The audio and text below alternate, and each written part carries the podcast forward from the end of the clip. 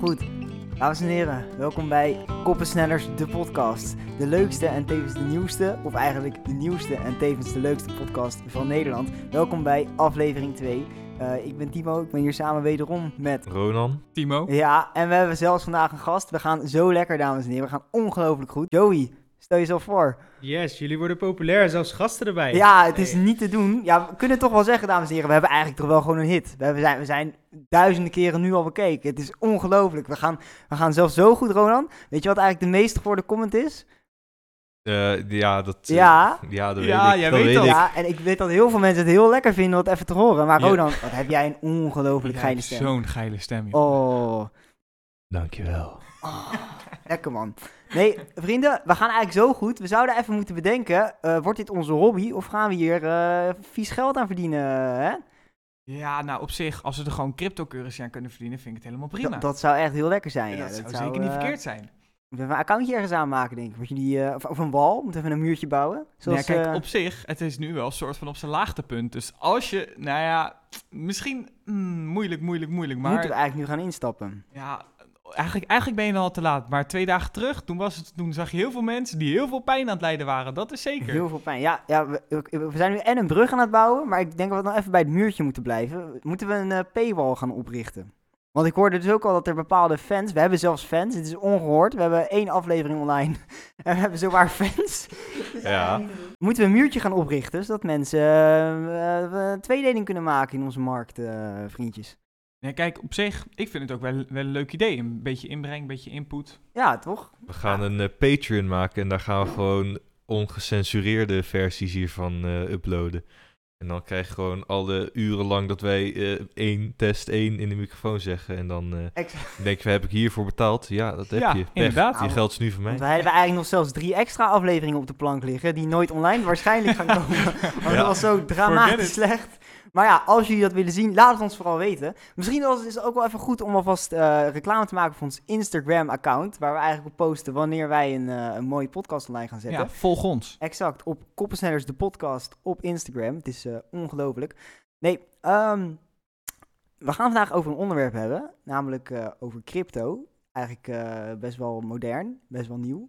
Maar we willen jullie ook soort van toch wel verlichten met wat andere kennis, een beetje wat mensen opvoeden. Dus we hebben een paar rubriekjes bedacht. Eh, ja, zoals we in de vorige aflevering hebben verteld, we zijn allemaal studenten. Dus we hebben een soort van, zou je kunnen zeggen, dat we ergens in gespecialiseerd zijn. Nou, eh, ja, net zoals ik. Joey, wat, wat doe jij eigenlijk eh, zo in het dagelijks leven? Goeie vraag. Ik doe heel hard mijn best om lekker voor de klas te staan en het mooiste vak wat er ook maar is te geven. Ik geef namelijk geschiedenis op de middelbare school. Amen. Amen. Ja, jij bent eigenlijk de, de voorhoede van, eh, van ja, geschiedschrijvend Nederland. Jij gaat het aan de jonge, jonge kinderen ga je het even uitleggen. Hoe mooi dat vak wel niet is. Ja, zeker. Dus ik zie mezelf ook echt aan de frontlinie staan om iedereen te interesseren in geschiedenis en om echt daar de bouwsteen te zijn binnen onze samenleving. De hele ruggengraat te creëren door iedereen aan geschiedenis te helpen. Maar lukt dat ook een beetje? Of, of, of hoe hoe zit het daar dan weer mee, zeg maar?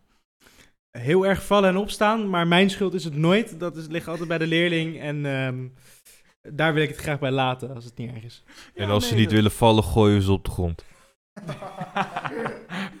Eh, we hebben dus eigenlijk twee soort van geschiedkundigen, kunnen we het eigenlijk wel zeggen. Twee, toch wel twee mensen die daar eh, toch wel ja, een bepaalde passie voor hebben.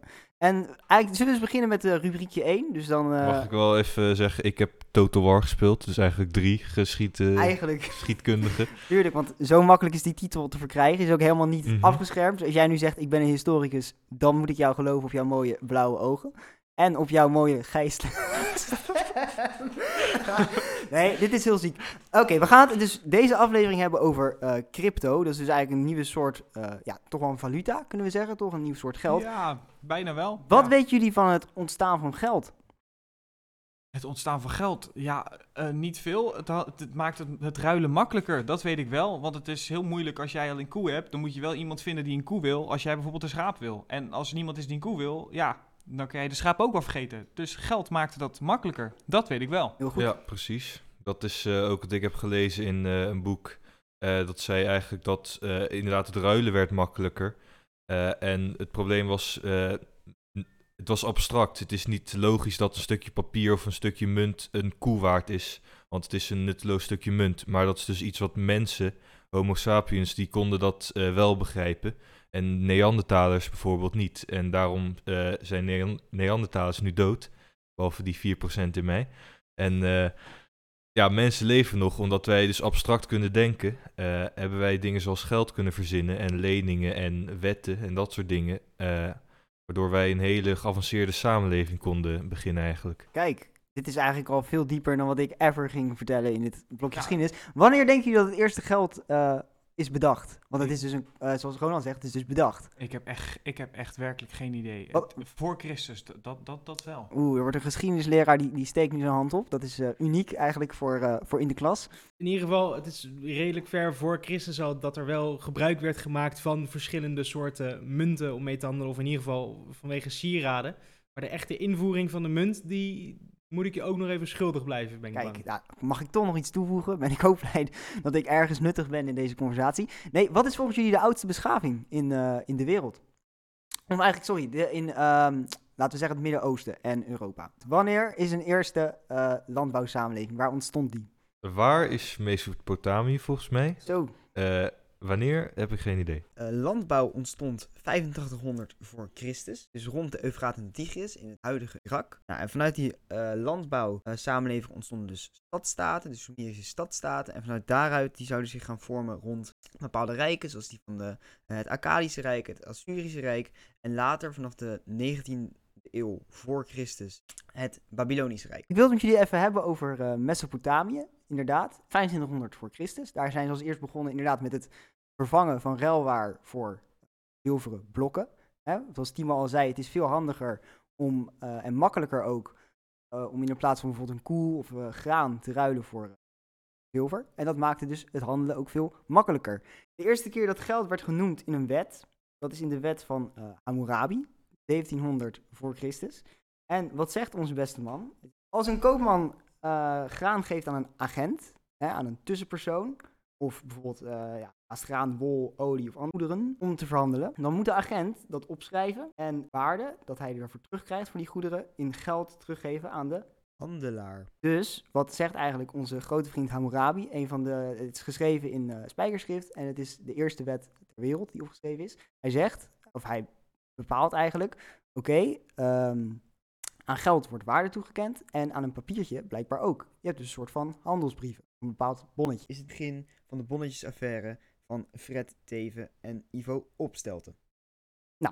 Dit, dit, dit wist ik niet. Dit Nee. is echt allemaal nieuwe informatie. Ik vind het eerlijk, eerlijk nou ja, ik vind het wel interessant Exact. eerlijk gezegd. En nou hebben we dus, heb ik dus iets bij me, dat moest ik net even thuis ophalen.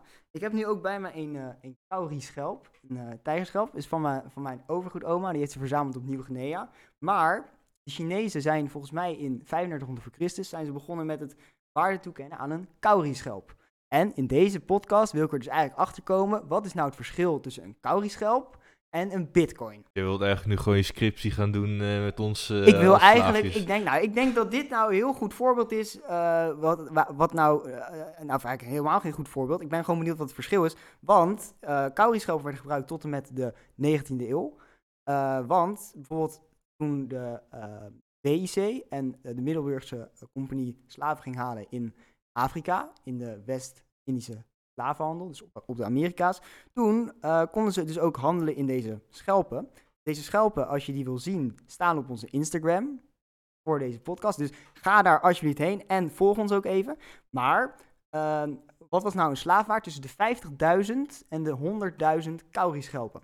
Dus dat is ziek veel. En ik heb er dus eentje. Maar zoals ik dus al begreep, zoals we eigenlijk al een bruggetje wilden maken aan het begin van de aflevering, die bitcoin die kan ook enorm kelderen. Dus leg me nou even uit. Wat is het verschil tussen een kaurischelp en een bitcoin? Nou, ik heb in ieder geval wel één overeenkomst. Want het is zeg maar zo dat zo'n schelp, die kan je vinden. En een bitcoin, die kan je, kan je mijnen. Dus op die manier is het toch nog... Bij alle twee kan je er, er effort in steken om toch eigenlijk meer waarde te krijgen. Dus die schelp kan je zoeken, de bitcoin kan je mijnen. En nou ja, dat is in ieder geval een overeenkomst die ik heb gevonden. Maar verschil, ik denk dat toch wel een heel belangrijk verschil is... is dat die schelp, die moet je eigenlijk van persoon op persoon fysiek geven...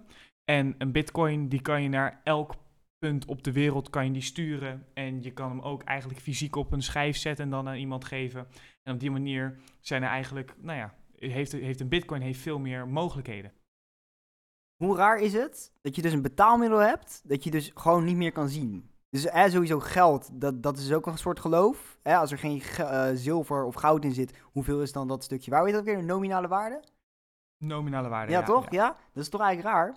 En nu hebben we dus iets bedacht, dat kun je helemaal niet meer zien. En dat heeft toch heel veel waarde blijkbaar. Nou ja, zo, zoals jij zelf aangaf, is dat de mens, die heeft dus eigenlijk, die, ken, die, kan dus waarde aan iets toekennen. Ook, wel, nou ja, bijvoorbeeld, zo, eh, ik weet niet precies wat het voorbeeld gaf, was wat je net gaf. Maar in principe, er is een maximaal aantal hoeveelheid eh, bitcoins. In andere woorden, als jij dan een bitcoin hebt, dan heeft, kan er iemand anders die zeg maar niet hebben. Dus jij, jij hebt iets wat iemand anders niet heeft en dat creëert waarde.